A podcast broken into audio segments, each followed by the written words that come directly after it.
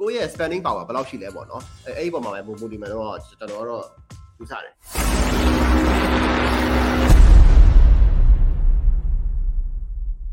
အာအညီမမဟုတ်ကိုလင်းလင်းမေးထားတာအာ media buying အတွက်တည်တဲ့လူခန့်တဲ့လားတဲ့ပြီးတော့သူတို့ကိုဘယ်လိုမျိုး train ပေးရမလဲဆိုတာလက်ညှိုးပေးပါအောင်ဆိုတော့အာဒါက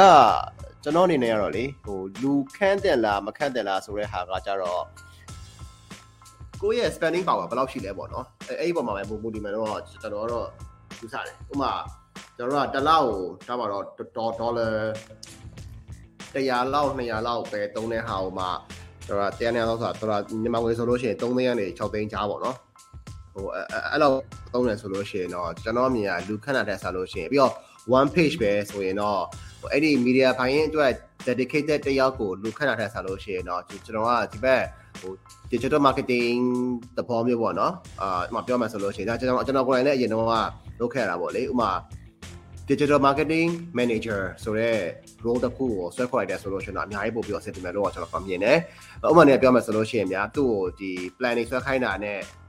report တွေနဲ့ပြီးတော့ content ရေးတာနဲ့ပေါ့နော်။အဲ့ဒီသုံးခုလုံးကတော့ပို့ပြီးတော့ cost effective ဖြစ်နိုင်တယ်။ဒါပေမဲ့ design တော့တော်တော်များများတော့ဆွဲတတ်မှာမဟုတ်ဘူး။ဘာလို့ဆိုတော့ designing ကကြတော့ another story ဖြစ်သွားပြီဆိုတော့ကြတော့ design တော့ဆွဲတတ်မှာမဟုတ်ဘူး။ဒါပေမဲ့ maybe ကျွန်တော်ကဟို planning ရယ် reporting ရယ် media buying ရယ် comment ဖြေရလောက်ရယ်ဆိုလို့ရှိရင်တော့အဆင်ပြေတယ်ဟို creative ကတော့ creative team တစ်ခုအနေနဲ့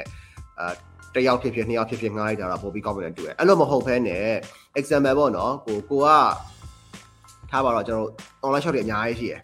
ဆိုတော့ကျွန်တော်တို့ဒီဒီမှာလည်းဒီ online online shop တွေအများကြီးရှိတဲ့အာဘယ်လိုခေါ်မလဲအာ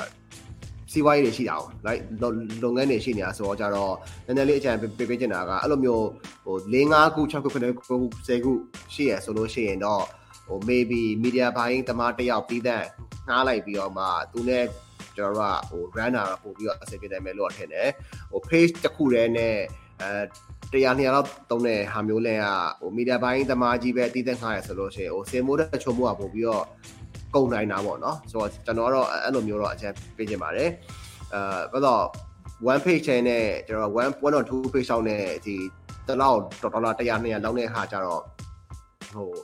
like dedicated အချိန်ပြည့် full time လုပ်ပေးမဲ့ media buying media buyer တယောက်ထက်ထက်စားလို့ရှိရင်ကဟို freelancer ပဲပြောပြော agency ပဲပြောပြောပေါ့နော်သူတို့ငှားလိုက်တာပို့ပြီးတော့ cost effective ဒီ business လုပ်ငန်းတစ်ခုအတွက်ပို cost effective ဟိုဖြစ်လာနိုင်တယ်လို့ကျွန်တော်တို့ပုံမြင်ပါတယ်အဲအဲ့ဒါတော့ကျွန်တော်အမြင်ပေါ့လေ